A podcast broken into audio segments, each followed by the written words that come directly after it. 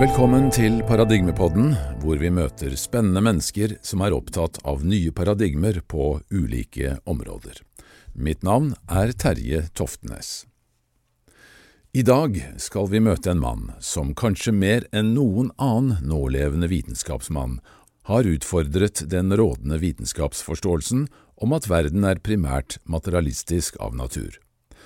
Han er også kjent for å fremsette teorien om såkalt morfisk resonans, bygget på den tidligere ideen om at det er såkalte morfiske felt som styrer mye av det som skjer i naturen. Vi skal møte den kjente engelske biologen Rupert Sheldrake. Vi traff ham i forbindelse med lanseringen av boken hans The Science Delusion, som i 2012 kom ut på Flux forlag under navnet Vitenskapens vrangforestillinger. I dette halvtimesintervjuet forteller han om de ti mest karakteristiske dogmene eller vrangforestillingene han mener vår tids vitenskap er bygget på, og som det nå er på høy tid å gjøre noe med. Deler av dette intervjuet ble også for øvrig brukt i vår film Bevissthetens kreative spill, som kom i 2016, og som kan ses på vår nettside paradigmefilm.no. Vel, selv om dette intervjuet er fra noen år tilbake, så er det fremdeles like aktuelt i dag, kanskje faktisk enda mer aktuelt i dag enn noensinne. Vi ønsker velkommen Rupert Sheldrake. All right. Okay, so Okay. a little bit about your background first. I'm a biologist, and I started by working on the development of plants, um, how plants grow. Um, I did that at Cambridge, and then I worked in India in an agricultural institute as a plant physiologist. Um, so I started off in a fairly conventional mechanistic way.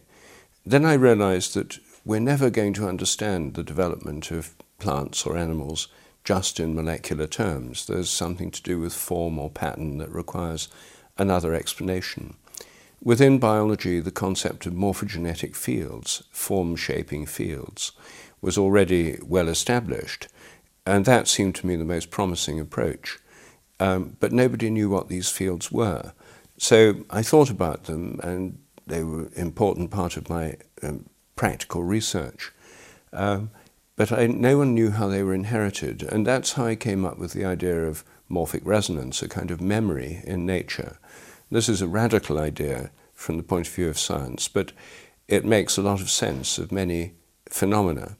And, and so that led me into a way of thinking about nature that was different from the conventional one, but which provides, I think, a better way of thinking of evolution and form, and also helps in understanding the inheritance of instincts in animals, and even the nature of the mind.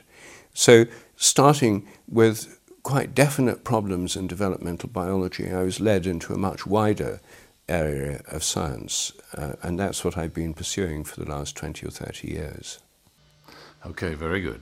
So how would you how would you define the morphic uh, field and, and morphic resonance? In your view, what is it actually? Morphic resonance is a kind of memory principle in nature.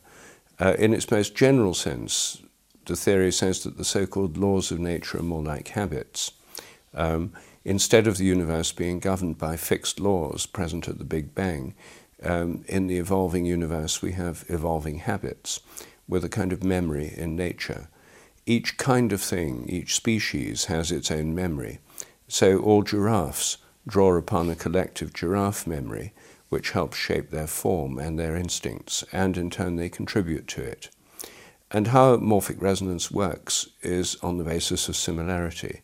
Something that's similar now will resonate with similar things before. And so that's what leads to this kind of collective memory.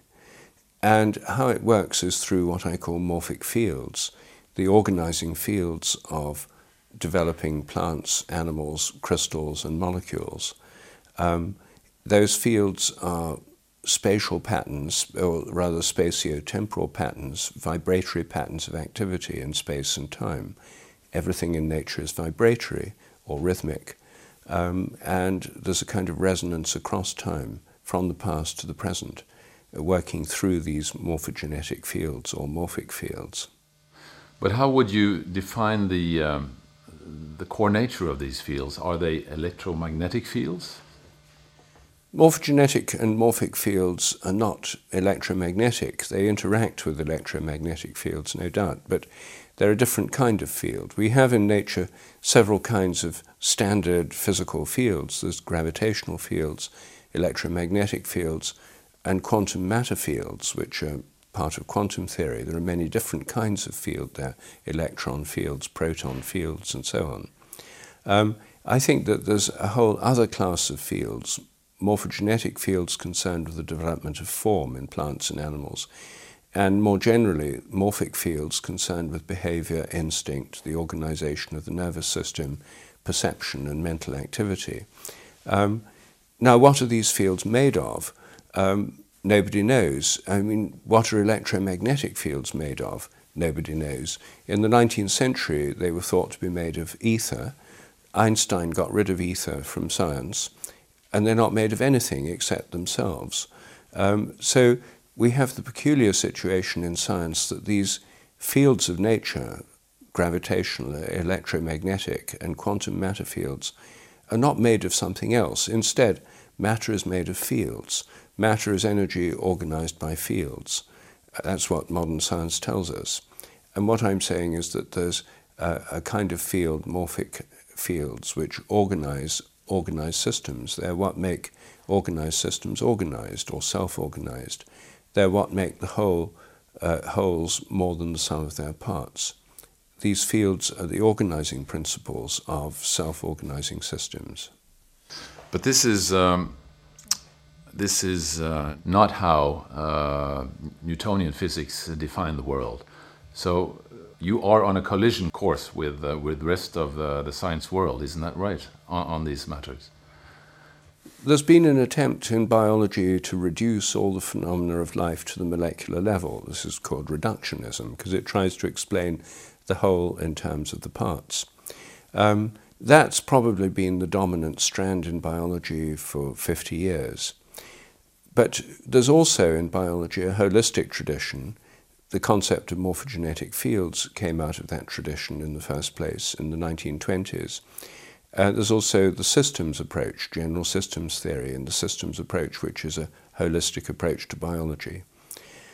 And I would say that reductionism, the molecular approach, was completely predominant from the 1970s to oh, soon after the 2000. Um, the Genome Project was one of its greatest triumphs the Human Genome Project. But there's now an increasing realization within biology that reductionism doesn't work. It just produces a huge amount of data that don't actually take us very far. And so now people are trying to make mathematical models using systems theory to try and understand the data. Uh, and I think there's a growing recognition we need a more holistic approach. So uh, I don't think that, that there's a collision between holism and reductionism, except insofar as reductionism is a dogmatic ideology. Um, increasingly, people working in the molecular biology are coming to recognize we have to have more comprehensive models. We have to have ways of understanding how the molecules work. After all, reductionism in biology is a bit like trying to understand a modern building by knocking it down and analyzing the chemistry of the cement and the, the reinforcing iron and so forth, um, and ignoring the architectural plan. You'll never find out how a building works or what it is by analysing the parts, because the plan of the building simply disappears when you demolish it. Um, and I think there's an increasing realization we've got to have a holistic approach. This doesn't contradict understanding things in terms of molecules. It doesn't contradict the architect's plan of a building to say that it's made of cement uh, and other building materials. The two go together. And so I think that that will become increasingly important. It's inevitable that biology will have to recognize this. Well, um, quantum physics uh, tells us that uh, uh, matter is actually more kind of an illusion, that uh, the world is um, built more on, on these different energy fields, as you also mentioned it. Um, but how, how would you explain to a uh, common person that matter actually is not what it seems to be? I mean, what, what would you say? Well, people used to think matter was made up of lots of hard little bits called atoms, um, like tiny billiard balls that just persisted through time. Now, most common sense perception of the world does, has never revealed atoms to us. This was an ideology, it was the ideology of atomism. Um, no one had ever seen an atom, um, but people believed in them for abstract theoretical reasons. Ordinary common sense reality didn't say matter's made of atoms. Most ordinary people had never heard of atoms. Anyway, now within physics, physics has moved on, and we now recognize that atoms are made of vibratory patterns of energy, electrons and protons, and so on. Um, well, most people have never seen those either. Most people in common sense world have to take for granted what physicists tell them. Um, but anyway, physicists are now saying that matter is made of vibratory patterns of energy bound within fields. Matter itself is no longer the fundamental explanatory principle of science. Uh, fields and energy are. Matter itself is explained in terms of fields and energy. Of course, in ordinary common sense experience, we see solid objects, we feel the air, the flow of things, we see uh, things through light. Um, but what physics does is explains the visible in terms of the invisible. Um, it's just that instead of explaining it in terms of invisible hard atoms, it now explains it in terms of invisible vibratory patterns of energy uh, within fields. That's great. So, um, if we could go back again to um, the um, experiments that kind of uh, confirm the, the theory that there is a, a morphogenic field.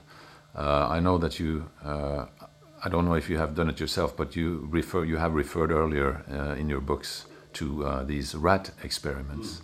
If you could tell us about one of them and, and how and how this uh, mm. what this resulted in. Well, morphic resonance means that there'll be a collective memory in each species, and the more similar animals or plants are, the more uh, strong the resonance. So if you take rats of a particular breed and you train them to learn a new trick in one place, like Harvard, then rats of that breed should be able to learn the same trick quicker all over the world. And surprisingly, there's evidence that that really happens from a long ser- series of experiments at Harvard, training rats to escape from a water maze. Um, and when rats in Edinburgh, Scotland, and Melbourne, Australia were tested, uh, they learned much quicker than the Harvard rats had done in the first place, and they continued to improve. And this was not just rats that were descended from trained parents, it was all the rats of that breed were getting better. Something similar has happened with humans with IQ test scores. Um, people are getting better and better at doing intelligence tests, uh, not because they're getting more intelligent, but because the tests are getting easier and they're getting easier because so many people have already done them. I think this is a morphic resonance effect. Um, so I, there's already quite a lot of evidence for morphic resonance as a kind of collective memory phenomenon, including from these rat experiments. But uh, science tells, that, tells us that memory is located in the brain. How would you comment on that?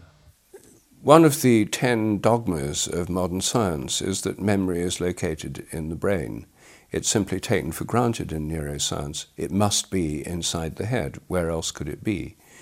Um, people have spent over a hundred years and a great deal of money looking for memory inside brains, and over and over again it's proved elusive.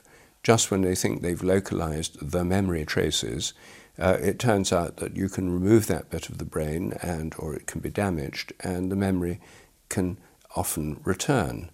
Uh, so that's why in neuroscience, many people now think in terms of holographic memory storage, distributed memory storage over large regions of the brain, to try and explain the failure to localize it.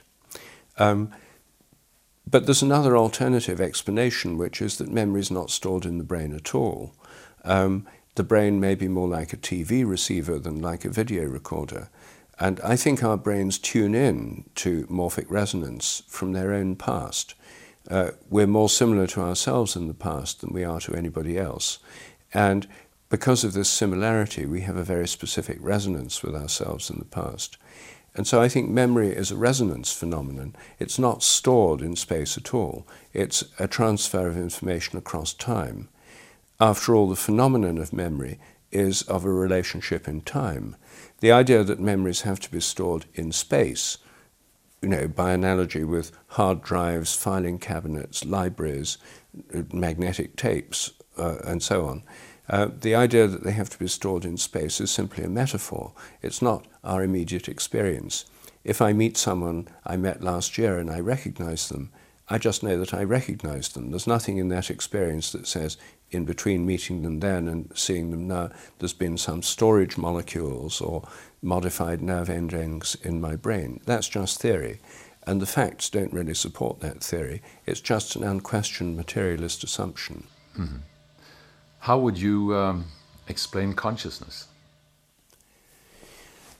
In consciousness, we have to distinguish between unconscious minds or unconscious mental events and conscious ones.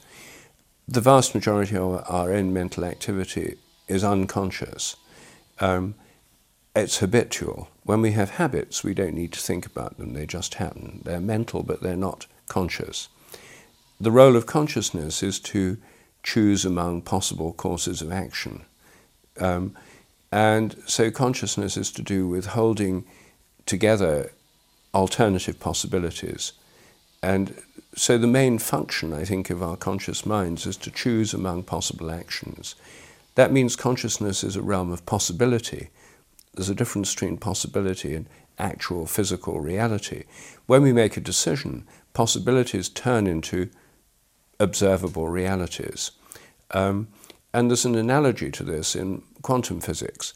Electrons, when they're moving, are described by the Schrödinger wave equation, which is an equation that tells you all the possible things that electron could do. When it interacts with something else, or when it's measured in a laboratory, out of all those possibilities, it collapses to one actual observation. And then that's a measurable fact. But the possibilities open to the electron beforehand are not measurable facts, they're possibilities. Uh, they exist in a different kind of realm from the material realm, and the same is true of our consciousness. It's a realm of possibility. Hmm.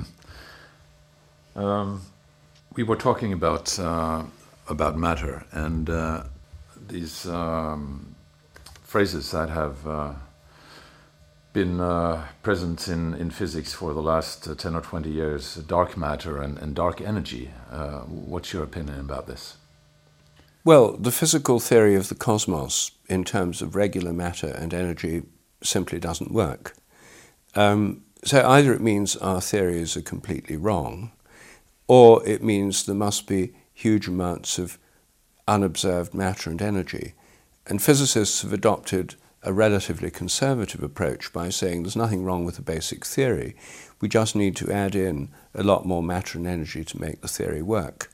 So they've invented or hypothesized dark matter and dark energy, which now make up 96% of reality, according to physicists. And the only reason for putting them dark matter and dark energy in their models is to make the models work. They put in exactly the right amount of dark matter and dark energy to give the right result in their equations. But there's no independent evidence for this dark matter and dark energy, and nobody knows what it is. So basically, we have a physics which works by acknowledging that 96% of reality is unknown. Um, and uh, I think it's a little bit like the discovery of the unconscious mind by Freud and Jung. Uh, you know, Descartes thought that, that the mind was simply clear, distinct ideas, conscious reality, and that's all there was to the mind. Old style physics said there's just regular matter and energy obeying fixed laws. Uh, it now turns out that that's only 4% of reality. Uh, basically, what they tell us is that the vast majority of the universe is utterly unknown to us. Yeah. And um, coming back to, uh, to these dogmas that you have listed in, in your latest book, you're also talking about paranormal and uh, psychic phenomena. Is it possible to explain these types of phenomena in, in this new way that, uh, that, that you represent? Psychic phenomena like telepathy simply don't fit into the materialist worldview, which says the mind is nothing but the activity of the brain and it's all inside the head. So thoughts or intentions can't possibly have any effect at a distance, uh, independent of regular senses and regular physical forces. Um, that's the standard dogma within science, and because of that dogma, uh, many scientists say that telepathy and psychic phenomena are impossible. They therefore have to deny all the evidence for them in the interests of maintaining their theory. Well, this is a kind of dogmatic denial, which, in my opinion, is profoundly unscientific. Um, if these phenomena exist, which I think they do, and which most people think they do because they've experienced them, um, then we need to enlarge our scientific ideas to include them instead of trying to eliminate large amounts of reality because they don't fit into a particular model. Um, and I think that this dogmatic exclusion of phenomena from science, creating taboos, is not worthy of the scientific traditions that we've inherited, which are based on free inquiry. Um, I think the evidence for the existence of telepathy, the sense of being stared at, and precognition is very good. Most people have experienced these phenomena. About 80% of people have experienced telepathy in connection with telephone calls. They think of someone who then rings and they say, It's funny, I was just thinking about you. 90% have had the experience of being stared at from behind and turning around. About 50% of dogs um, know when their owners are coming home and go and wait for them in a way that can't just be explained by routine or familiar car sounds. Um, these are what I call the mysteries of everyday life, and they show that these phenomena are going on all the time. Um, they're normal, not paranormal. But from the point of view of materialist science, they ought not to happen, so they're classified as paranormal, which means beyond the normal. They're only beyond the normal if you define the normal in terms of a dogmatic scientific theory. Um, I think when we have an expanded view of science, the idea of the mind ex- extends beyond the brain, that our minds uh, depend on extended fields rather than being confined to the inside of the head. These things can make perfectly good sense. They're what you might expect to happen in the world. They're not paranormal at all. They're normal. They're not supernatural. They're natural. So, what kind of implications can this have? And uh, I mean, what, what, about medicine? What kind of impl um, implications would this have in medicine if, if we opened up for it? Current orthodox medicine, mechanistic medicine, is based on the idea that our bodies are machines, that we're machines, even our brains are machines, um, and that therefore we should be treated physically or chemically by surgery or drugs. And certainly many things can be treated by surgery and drugs, and very successfully. But this approach completely ignores the mental and the emotional and the social and the spiritual aspects of our health. Um, and alternative and complementary medicine works uh, usually in a more holistic way. Um, the conventional view is to say, well, those are just, people would have got better anyway, these are just quacks, and if it works, it's just the placebo effect. It's all in the mind. But to say that, of course, admits the power of the mind, which is the point, really, that um, our minds, our emotions, and our social and our spiritual lives affect our health. And simply to treat our health in terms of physics and chemistry is a very limited form of medicine a broader, more integrative kind of medicine which accepts that our bodies are um, organized by integrative fields, that our minds are more extensive than our brains, I think would be more effective as a medical system and much cheaper. And I think for economic reasons alone, this is what we'll have to uh, come to because mechanistic medicine is not only too limited, it's also getting much too expensive. Do you believe in the Big Bang Theory? Well, the Big Bang Theory, the idea of the whole universe began about 14 billion years ago, very, very small and very hot, is really a myth of origins. It's like a modern version of the myth of the hatching of the cosmic egg. I think we live in an evolutionary universe which is expanding, but the Big Bang Theory is based on taking all the laws of nature as fixed, And it says the universe is expanding like this, so if we calculate it backwards, we crank the equations back, then it gets smaller and smaller until it reaches the Big Bang. It's based on a very naive assumption that all the laws are completely fixed and they've always been exactly the same, uh, except at the primal singularity. Um, so I personally think the Big Bang Theory is very naive extrapolation uh, based on a number of very questionable assumptions. But I think what's good about it is that it gives us a picture of an evolutionary universe, and I think we do live in a radically evolutionary universe that's been developing for a long time. Um, it tells us that at one time there were no atoms, no molecules, no stars, no galaxies. Everything in nature has evolved, not just life, not just human culture. We live in a radically evolutionary universe. In that sense, I do believe in it.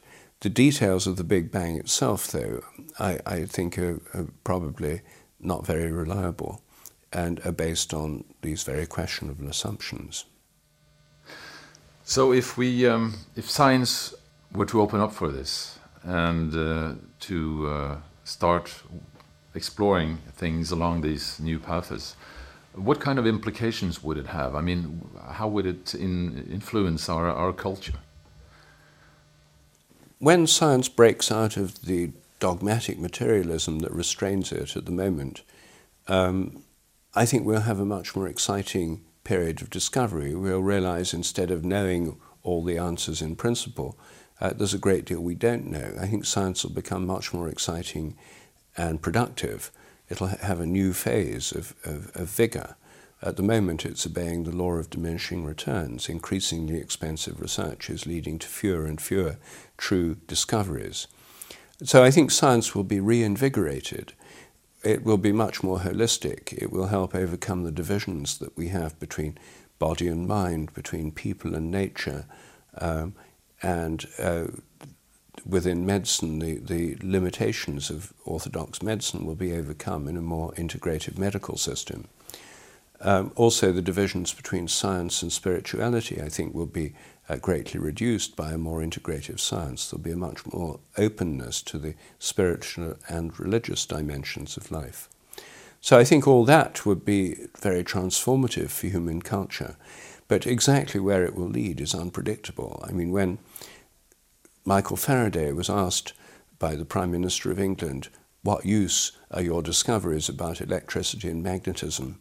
He said, I don't know, but I dare say in the end you politicians will find a way of taxing it. And indeed, he was right. He couldn't have foreseen that Maxwell's equations predicted forms of electromagnetic radiation as yet unknown.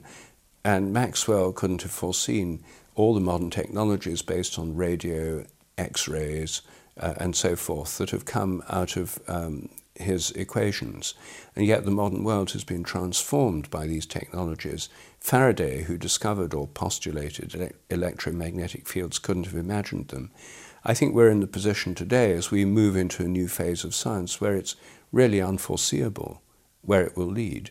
Uh, I think it's very foreseeable, though, that if we remain stuck in the present dogmatic science, we're heading for disaster and uh, we're not going to make any major discoveries. But this dogmatism is fortunately breaking down. I think we're on the threshold of a whole new phase of discovery.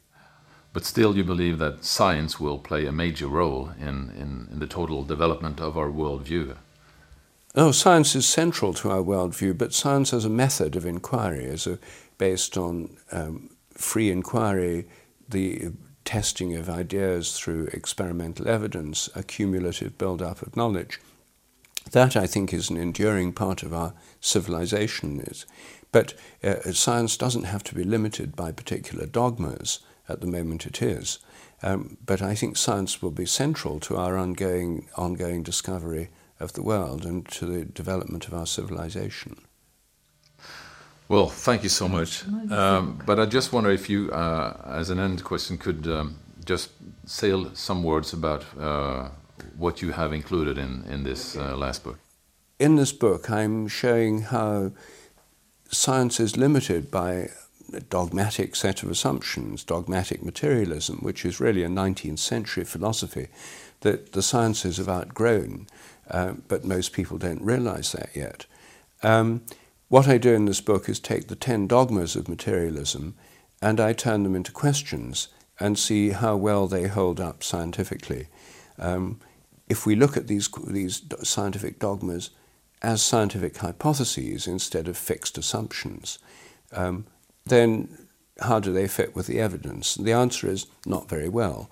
We need to go beyond all these dogmas, and I think that will free the spirit of inquiry and help science to be regenerated. This book is very pro science. I'm a scientist, I'm pro science. I want science to grow and not be held back by uh, irrelevant, increasingly irrelevant and outdated dogmas, which it is at the moment. So I'm very optimistic that things can move forward, and that's what I try to say in this book. Great. Thank you so much. Good. This was Good. Okay, good. Ja, som jeg nevnte innledningsvis, så synes jeg faktisk at eh, det Sheldrake fremfører her, er mer aktuelt i dag enn kanskje noensinne. Helt til slutt så skal vi bare la Sheldrake få oppsummere disse ti punktene som han presenterer i boken sin Vitenskapens vrangforestillinger, som, eh, som nevnt kom ut på Flux forlag i 2012, og som jeg absolutt vil anbefale. Han var her i forbindelse med lanseringen og holdt et foredrag på Litteraturhuset i Oslo, og vi skal høre bare et lite klipp herfra hvor han da summerer opp disse ti eh, punktene som han mener er så essensielle. The subject of my lecture is the science delusion. which is the belief that science has already answered the basic questions about the nature of reality in principle, leaving only the details to be filled in. There are many people who believe this, especially people who've made science into a kind of religion. Um, and what I'm suggesting this evening is that science is not a belief system, science is a method of inquiry. And it's being held back by this dogmatic system of beliefs that became dominant within science in the 19th century and uh, which science has actually outgrown, although most people don't realize it. What I do in my book is to take the 10 dogmas of modern science and to turn them into questions. So instead of just accepting them as a matter of faith or just taking them for granted. I'm treating them as scientific hypotheses, and then I examine how well they stand up when they're examined in the light of scientific evidence. So, this is a scientific inquiry about science in the spirit of radical skepticism, turning skepticism on the basic assumptions of science itself. The result of doing this, I think, will be to free science from these dogmas and to make it more scientific, not less. I'm very pro science. I'm all in favour of science and reason as long as they're scientific and reasonable. Um, so, first, I'll just summarize the dogmas and then I'll discuss some of them. I don't have time this evening to discuss all of them. The first dogma uh, that was established in the 17th century is the foundational assumption of modern science is the idea that nature is mechanical. Nature is like a machine. Um, it's machine like. Animals and plants are machines. Our bodies are machines. Our brains are machines. They're like genetically programmed computers. In Richard Dawkins' vivid phrase, we are lumbering robots. The second assumption is that matter is unconscious. We live in a universe made up of unconscious matter. All the stars and galaxies and the whole of outer space are full of unconscious matter. This earth is made of unconscious matter. Uh, animals and plants are basically made of unconscious matter, and so are we. Third, the total amount of matter and energy is always the same. This is the principle of conservation of matter and energy. All of us learnt it at school. And it says that the, the there's a fixed quantity and it never changes. Fourth, the laws of nature are fixed. The laws of nature are the same today as they were at the time of the Big Bang, and they'll be the same forever. Fifth, nature is purposeless. There are no purposes in nature. if animals and plants seem to show purposes, this is just a kind of illusion. And uh, the whole evolutionary process has no purpose or direction. It just develops as a result of blind chance and uh, blind laws. Sixth, biological inheritance is material. Everything that's inherited biologically is inherited in the genes, the genetic material, or in epigenetic modifications of the genes, or in cytoplasmic inheritance. Um, so everything is material in inheritance. Seventh, memories are stored as material traces inside brains. Everything you remember is somewhere inside your head in chemicals or in modified nerve endings. Uh, the memories are all inside the head. Eighth, the mind is nothing but the activity of the brain. Mental activity is all inside the head, it's nothing but brain activity. Nine, psychic phenomena like telepathy are illusory. They may appear to happen, many people believe they've had them, but that's because they haven't been properly educated in science, uh, because scientists know that these things are impossible. And they're impossible because the mind is confined to the inside of the head, so thoughts and intentions cannot possibly have any effect at a distance. So all the evidence must be flawed, fraudulent, or illusory. Tenth, mechanistic medicine is the only kind that really works. Um, there are many alternative and complementary therapies, but none of them are real medicine.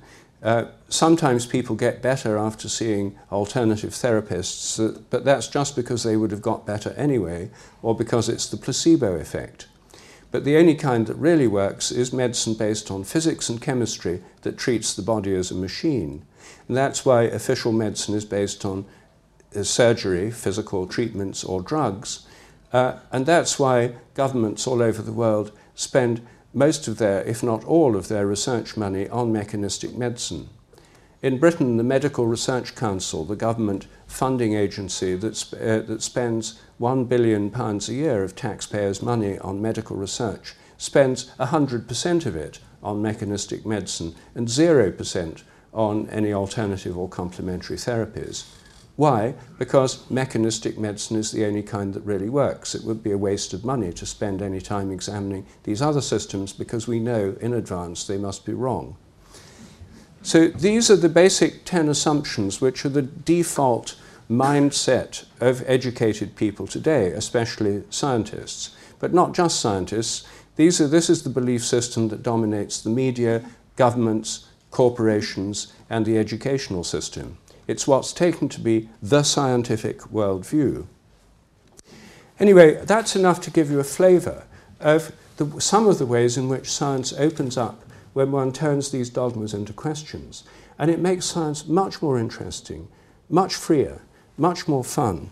And um, I think ultimately it makes it, well, immediately, it makes it more scientific. So my hope is that uh, as the dogmas of science slip away, as people uh, liberate themselves from them, um, that science will have a new, a renaissance of discovery and activity, and it'll probably be a lot cheaper as well.